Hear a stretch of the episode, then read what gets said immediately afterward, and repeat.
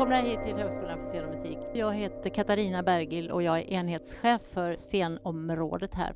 Vi gör det här i samarbete med Kulturakademin och de kommer att göra en podd av de här samtalen. Hur går det till att få skådespelarkontrakt i, på Sveriges teatrar och hur vanligt är det med audition till rollsättning och hur går en audition till?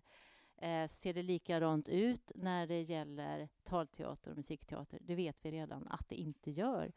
Och som sagt, kanske kommer vi också in på senaste veckornas eh, metoo och eh, tystnadtagning. För det är klart att all form av rekrytering brukar vara en form av maktutövning också. Och finns det exempel på detta från båda sidor, både från arbetsgivare och de som har sökt. Jag har en väldigt erfaren och kunnig panel vid min sida. Jag är jätteglad för det. Och eh, vill ni presentera er själva?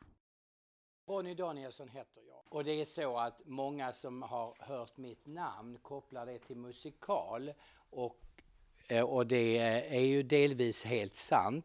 Jag har jobbat mycket med musikteater i olika former men från början jobbade jag med talteater och det är från den gruppen jag kommer. Jag gör också talteater, just nu gör jag Bröderna Lejonhjärta och här på den här byggnaden här borta har jag bara gjort talteater på 90-talet så att eh, min erfarenhet är från både och men idag gör jag mest musikteater och regissera sa jag kanske att jag gjorde. Ja det var väl vad som behövdes för detta. Och jo, det ska jag säga också.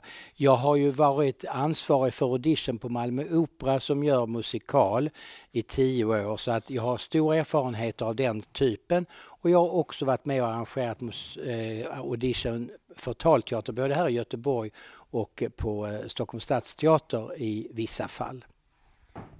Tack. Imor? Eh, och jag heter Imor Herman och jag är från början teaterregissör, utbildad på Dramatiska institutet. Och sen så har jag jobbat med film jättemycket, med det då som kallas för casting. Och sen har jag kommit tillbaka till teater nu, eh, två och ett halvt år, som jag har anställd på Stock Kulturhuset, Stockholms stadsteater. Där vi då försöker jobba med auditions också när det gäller talteater.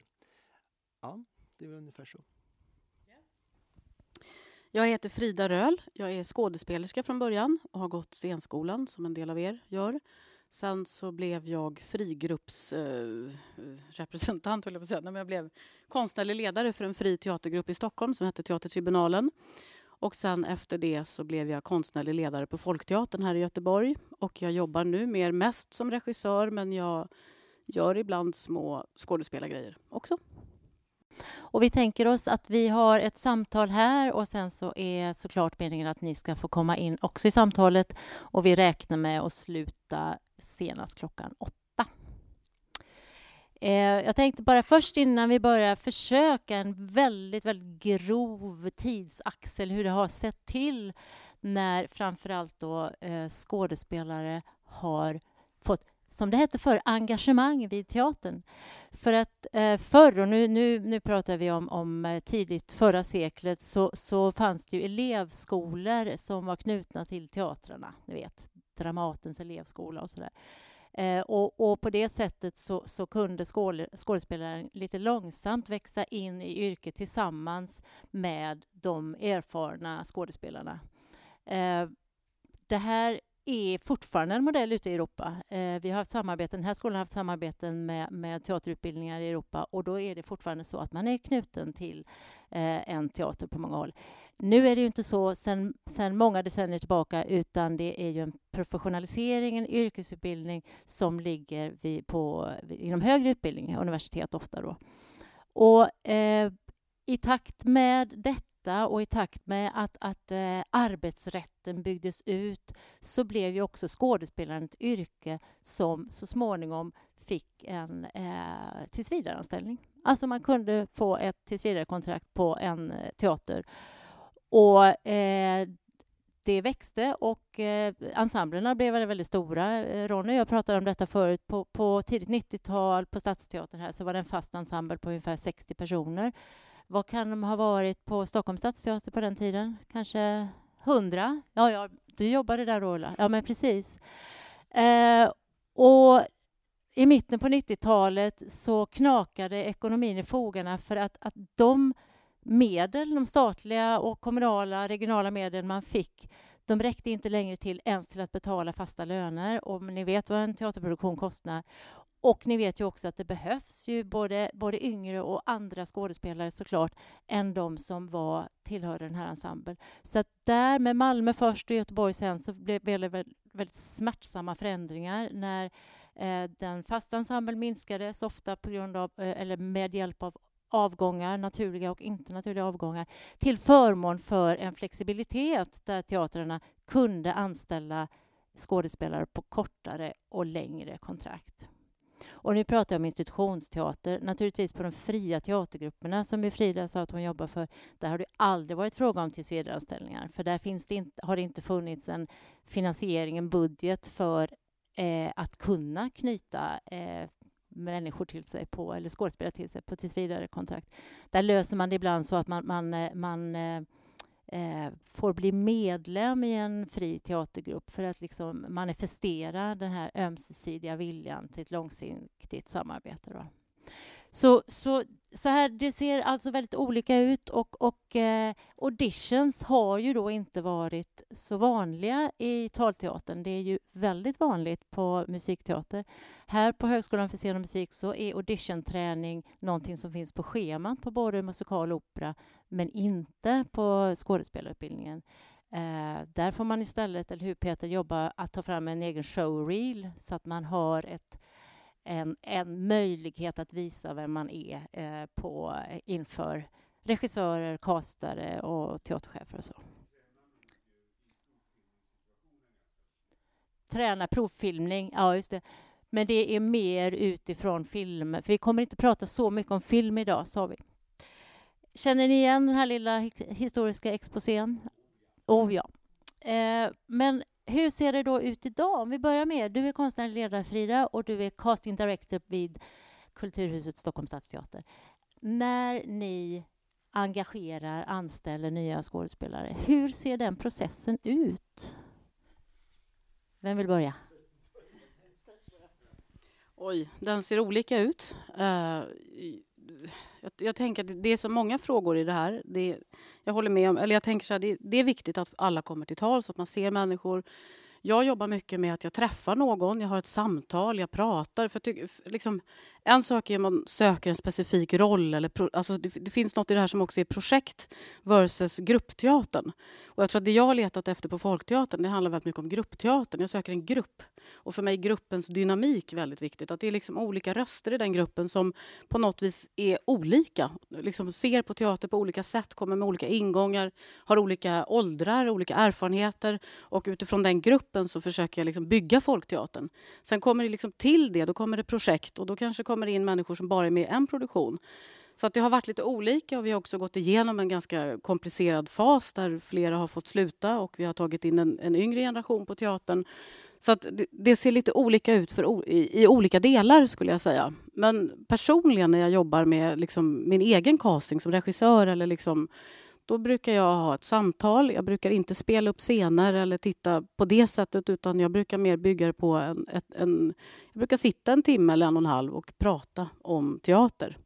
Men det är mitt sätt och jag litar så tvärt på min magkänsla att jag känner funkar det så, så det har aldrig slagit fel. Men det är ett högst personligt sätt. Och jag, ja, jag tror alla har olika sätt. Är det nu fyra år du har varit på Folkteatern? Eller?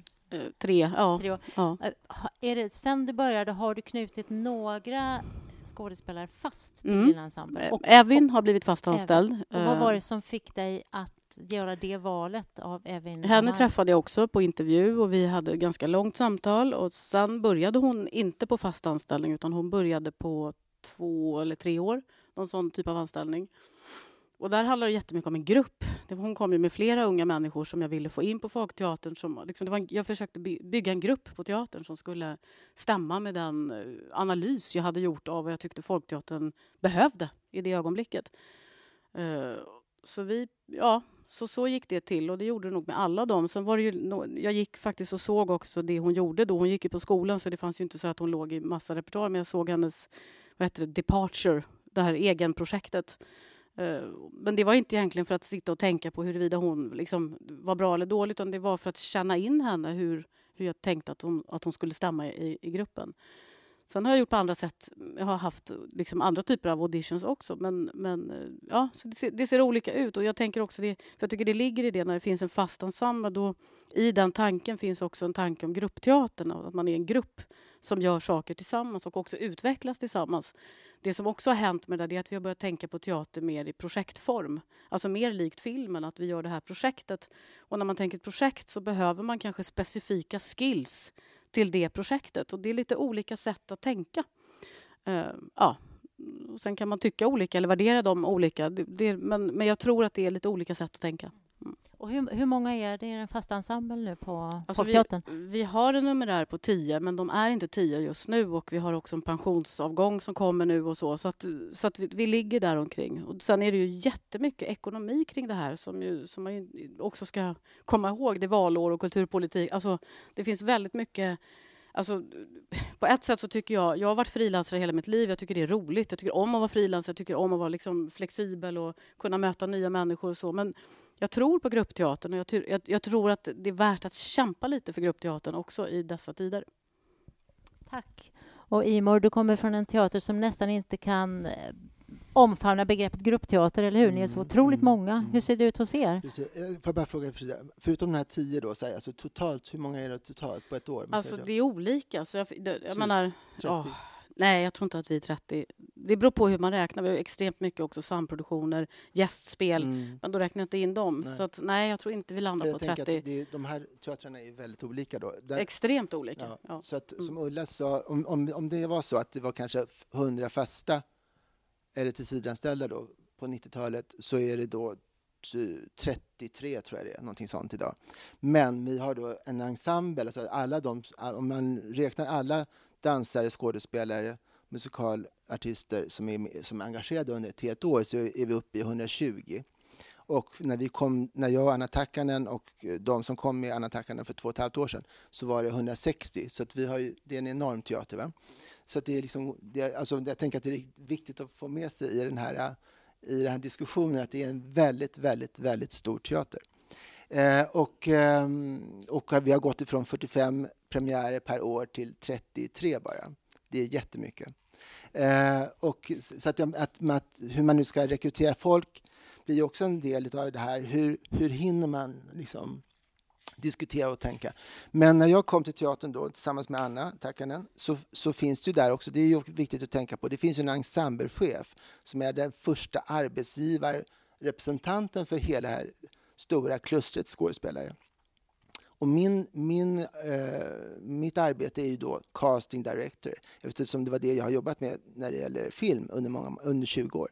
Så att, att, just att för, hur, man ska, hur man ska försöka rollsätta teater på ett sätt som inte är samma som film. För film är ju, som Frida sa, är ett projekt. Alla ska anställas, alla går därifrån sen. När det gäller teater så finns ju vissa kvar en del är alltid där då, så att eh, de ska ha någonting att göra imorgon också. Eh, så det är mycket logistik samtidigt som det är regissörer som har önskemål. Det finns konstnärliga tankar. Hur ska man blanda ihop det här? Eh, Snart kommer jag glömma frågan tror jag. Men, men eh, hur, hur går, vad sa du, hur går castingprocessen till? Processen till att, att du faktiskt anställer Precis, någon. Och då kan man säga så här, för, alltså jag kommer ju då in med eh, att ha jobbat specifikt med casting för film, där de där jag möter manuset som egen konstnärlig eh, hantverkare då, som casting director tillsammans med regissörer. Det är det som räknas. Det finns inga fasta skådespelare man behöver ta, ta hänsyn till till exempel. Det finns ingenting annat man behöver ta hänsyn till. Förutom om det fanns några speciella önskemål från början. Att vi, jag vill jättegärna att den här skådespelaren ska vara med. I övrigt så diskuterar man tillsammans. Och det önskemålet kommer i så fall från regissören? Eller producent. Eller producenten. Precis. Producenten har också konstnärligt inflytande? Absolut. Ja. Men, men, mindre här i Sverige. Jag pratade just med Daniel Alfredsson igår när vi var på Södra Teatern. I, utomlands är det ju tvärtom. Ja, du pratar om film fortfarande? Ja, det, okay. det, det är film. Ja. Nu är film. Teater då, så, så kan man då försöka få in de här tankarna också. För mig är det fortfarande så att jag, jag vill ju liksom inte bli bara en beställare. Liksom att Imor, kan du engagera eh, Eh, Frida Röhl här som skådespelare utan jag vill naturligtvis själv också tänka vem skulle kunna befolka den här pjäsen. Men så finns det då de här skådespelarna som är på teatern också. Vilka skulle vara intresserade av att jobba med, med Ronny? Vilka är som, som är lediga just nu? Vilka kan vara med i nästa produktion? Om de är med i Ronny, för de har önskat att vara med i nästa produktion, går det då att kombinera? Förstår ni? Det är väldigt mycket logistik. Och sen, finns det några pengar över? Finns det någonting som vi kan engagera människor utifrån? Det var väl min stora eh, överraskning när jag kom till teatern, att den, den budgeten är ju väldigt begränsad. Alltså den öppningen till varje projekt. Hur många kan vi ta utifrån, så att säga. Den är väldigt, väldigt, väldigt begränsad. begränsad. Därför att man, man har då andra kontrakt som löper på. Treårskontrakt, eller femårskontrakt eller ettårskontrakt. De finns ju där. De, de skådespelarna ska ju naturligtvis vara i, i arbete. Så att, um, precis. Så, så, men castingprocessen är alltså, så vad, vad har vi för möjligheter? Vad finns det för skådespelare? Vad, vad, eh, vad önskar regissören? Ronny har ju väldigt, han är hos oss just nu, eller har varit mycket hos oss, och Frida också. Ronny har ju väldigt starka önskemål, vilka du vill ha. Eh, och eh, då, då, måste man ju försöka, hur mycket kan man tillmötesgå det? Och mycket, hur mycket vill andra regissörer ha samma skådespelare, eller hur? Det är väldigt processer kan se väldigt annorlunda ut. Jag tänker, vi, vi, sen så ska vi prata om, om eh, kataloger mm, och mm. krogen och allt det här. Men, men, men först det här med... Jag läste en, en uh, intervju med Adam Lundgren uh, som gick här på skolan. Han gick ut 2012, tror jag. Och hur han direkt han gick ut från skolan fick han erbjudande om ett tvåårskontrakt där och sen blev det fem år av det. Då hade han gjort film, han hade varit exponerad. Men hur, hur tänkte man då när man anställde... Nu, hittar vi bara, nu gissar vi bara, men, men vad tänker du att, att Anna Takkanen då tänkte när hon ville ha Adam Lundgren på två år med en gång sådär från skolan? Om vi hittar på nu, om vi tänker att, att vi är Anna Takkanen. Nej, men jag tänker väl att det är precis som ni vet att film och tv är extrema eh, fönster för att, att visa skådespelarkonst kan man säga, eller hur? Att, det är väl, att man då vill försöka, man vill ju försöka hela tiden eh, dra publik till teatern. Så, så tänker jag. Sen tror jag att både jag och Anna har olika uppfattningar om detta. Men, men jag menar, det är ju någonting som, har, som, som är väldigt mycket så att man, man vill ju, man är, vem vill ju verkligen att, att teatern ska, ska dra folk helt enkelt. Frida, du ville säga någonting? Där. Ja, för jag uppfattade din fråga lite tvärtom, att hon tog honom innan det där. Nej? Nej. Han hade, han hade gjort, redan gjort det. Eh, torka aldrig tårar. Hade nej, för det, nej, men det jag tänker är att de större institutionerna, tycker jag, jag menar, Folkteatern är också en institution, men inte i samma omfattning. Man har ju också ett ansvar att i den mån man kan se till att folk som går ut skolor eh, får pröva. Och det tycker jag är ett stort problem med den här omorganisationen, eller liksom det som har hänt nu när det har inte blivit de här stora ensemblerna. Men det finns, det finns bra saker med det också, med flexibilitet och så. Men det som är negativt är att det är väldigt många skådespelare som aldrig får pröva sina vingar. Utan som hamnar i en situation, om vi kommer in på metoo, där man är väldigt utsatt i liksom det ena projektet till det andra. Och man, man kommer aldrig in på en... Alltså de här ettårskontrakten eller tvåårskontrakten de ger ändå ett visst lugn som gör att under den här fasen, vilket jag tror hände till exempel med Evin, att hon fick liksom två år att, att faktiskt jobba med olika roller, olika regissörer, olika tillvägagångssätt, olika idéer om teater och, och det ger en stabilitet Sen kan du frilansa hur mycket som helst. Och I min värld var det mycket tribunalen att som skådespelare komma till en plats som jag kände mig kan, trygg är fel ord, för det tycker jag kanske aldrig att jag någonsin har varit som konstnär. Men i, i, i bemärkelsen i alla fall att jag kände att i det här, i det här rummet förstår jag liksom att jag, jag har en plats här. Jag får vara här, jag är välkommen här och jag kan tänka lite längre än bara vara liksom den här rollen. Och det tror jag det tror jag är viktigt för skådespeleriets utveckling helt enkelt. Och framför allt när man är ung, som jag tänker att många i det här rummet är. Får jag, får jag bara säga en sak till? Eh, snart, eller vill du också säga något, Ronny? Att, eh, alltså, heter det, till en, en annan aspekt är ju det Adam då, som kom hit. Så kan man ju säga att när, när, vi, när Anna kom till Stadsteatern Stockholm så tog hon med sig Matilda Ragnerstam, Angelica Prick inte någon filmkarriär, inga kända ansikten. Precis tvärtom. Så att jag menar, det, det finns ju många olika aspekter man kan tänka på det här. Ja, men det är sant. Och, och Anna var ju mycket och tittade på produktioner ja. här på skolan. Och så. Eh, Ronny, eh, Imor sa förut att, att du som regissör, om vi ser dig som regissör nu då, är väldigt bestämd på vilka du vill ha. Hur går det där samtalet till och, och varför vill du ha, vill, varför är du så bestämd att det är vissa du vill ha? Och nu tänker vi kanske inte framför allt eh, vokala kvaliteter och så, utan mer skådespelare? Alltså när, när Imo säger det så talar han ju om eh, just talteater. Mm. För det är det jag gör i Stockholm just nu. Och då, då kan man säga så här att när man, gör, när man tänker ett projekt som jag ska göra nu nästa höst, eh, som är ett jättestort projekt med jättemånga roller, så tänker man ju liksom att de här rollerna ska parera ihop. Det ska vara en eh, dominerande, säger jag nu, dominerande man som driver hela saken. Det ska vara en, en kvinna där som, som både kan dominera men också ha en slags humor. Alltså om jag nu tänker så. Och då gäller det ju att hitta skådespelare som kan gestalta detta som jag önskar få med i projektet. Och det är i sin tur en stor kombination. Det är ju det som är så svårt. Nu talar vi ju då om, precis som Ima har sagt, för att jag egentligen representerar en annan gren, nämligen de projektanställda anställda som vi säkert kommer in på. Men om jag nu arbetar med de fastanställda då har ju Stockholms stadsteater massor av skådespelare. Och då gäller det ju att försöka hitta, Eh, ur den här gruppen hitta eh, skådespelare som skulle kunna gestalta detta. Och sen har vi ofta ett samtal då, så att de har lust att göra detta dessutom. Men komplikationen är att när jag då har satt ihop den här brickan inne i mitt huvud så helt plötsligt så ska inte han vara med ja men då stämmer det ju inte med den där hon som skulle göra det där tillsammans med honom. Och det är lite problematiskt att allting hänger oftast ihop i en sån här roll. Eh, besättningsprocess. Därför att, eh, och det handlar ju om ålder, erfarenhet, vilken eh, output man har som skådespelare, hur bra man är på att gestalta olika saker som skådespelare inom talteatern. Och då kan det ibland komma till det stadiet att vi behöver ta in någon utifrån och då har vi också haft auditions inom ren talteater, om jag nu tar nutiden. Men då är det ofta så att det kanske kommer fem, sex stycken som man har tänkt, de där, någon av dem skulle kunna vara bra för det här. Och då har man bjudit in fem, sex stycken och sen utav dem så blir det en kanske som får göra det. Eh, alltså en mindre form av audition bland talskådespelare för ofta en specifik roll. Det är det vi pratar om nu. Det jag sen ska prata om är de som är de mera öppna auditions.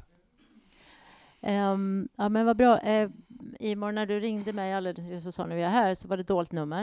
Uh, är det så att ni blir väldigt, väldigt, väldigt uppvaktade av personer, skådespelare som vill träffa er och vill ha jobb? Och hur ser den där resan ut för er och dem? Är det möjligt att träffa eller prata med alla som vill träffa och prata er?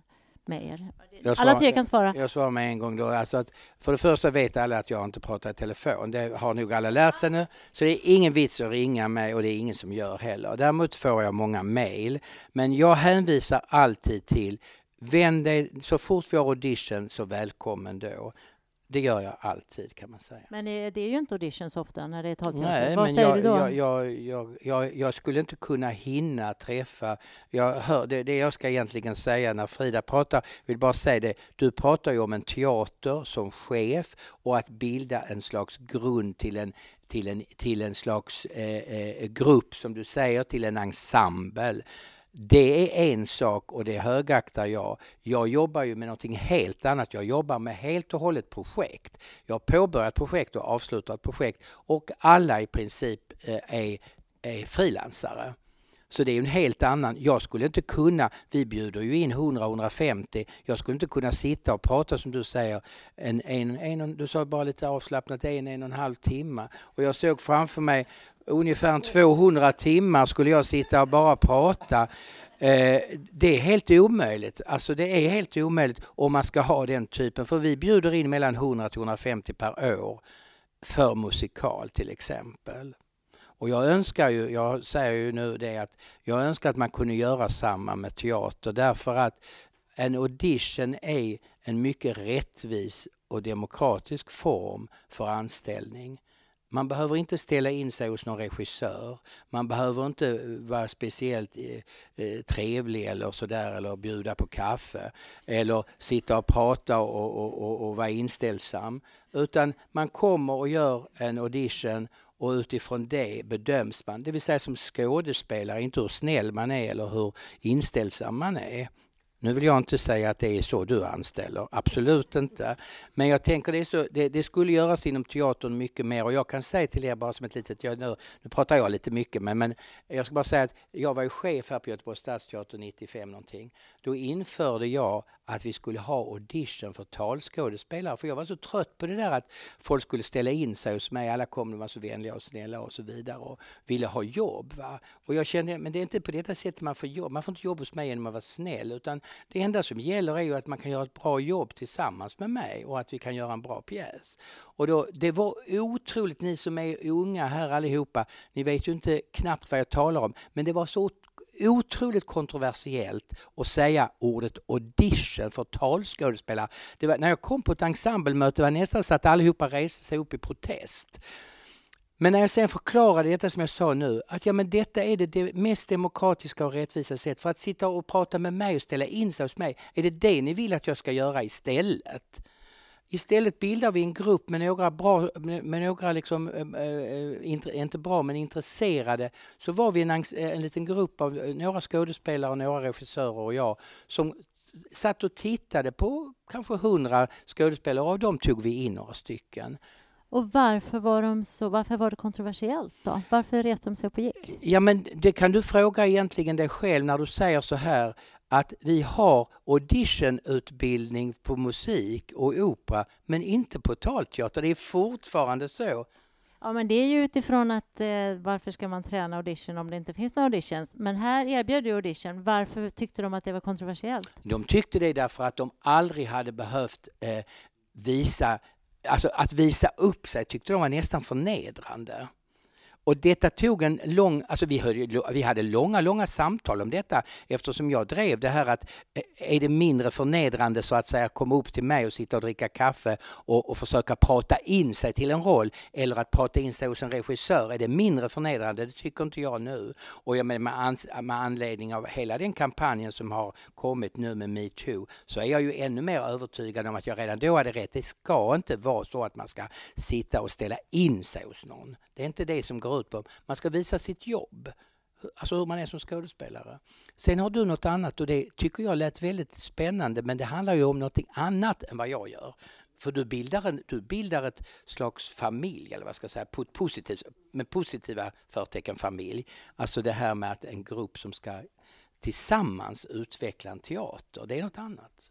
Frida, du ville säga någonting här? jag tänker på det med audition. Det är absolut helt olika saker. Jag, jag, jag måste säga att jag också har omvärderat den här audition-tanken. Liksom, jag gick ju din kurs också för många år sedan i audition. Det var ju mer filmfokus, men i alla fall att, att jag tror att det där att det var ett rött skynke, som ju audition var, det har mycket att göra med att det var ett, ett, eh, ett amerikanskt, på, alltså så här USA-påfund, tror jag. Det här är liksom den kommersiella teatern som har kommit till Sverige och det fanns ett motstånd mot det kommersiella. Och det kommer väl från att teatern var, bestod av väldigt mycket vänstermänniskor och det kommersiella skulle inte ta, ta över teatern. Och, och, delar av det kan jag liksom hålla med om, att värdena i teater ska inte vara kommersiella. Det, det, liksom, det tycker jag, eller i alla fall den skattefinansierade teatern.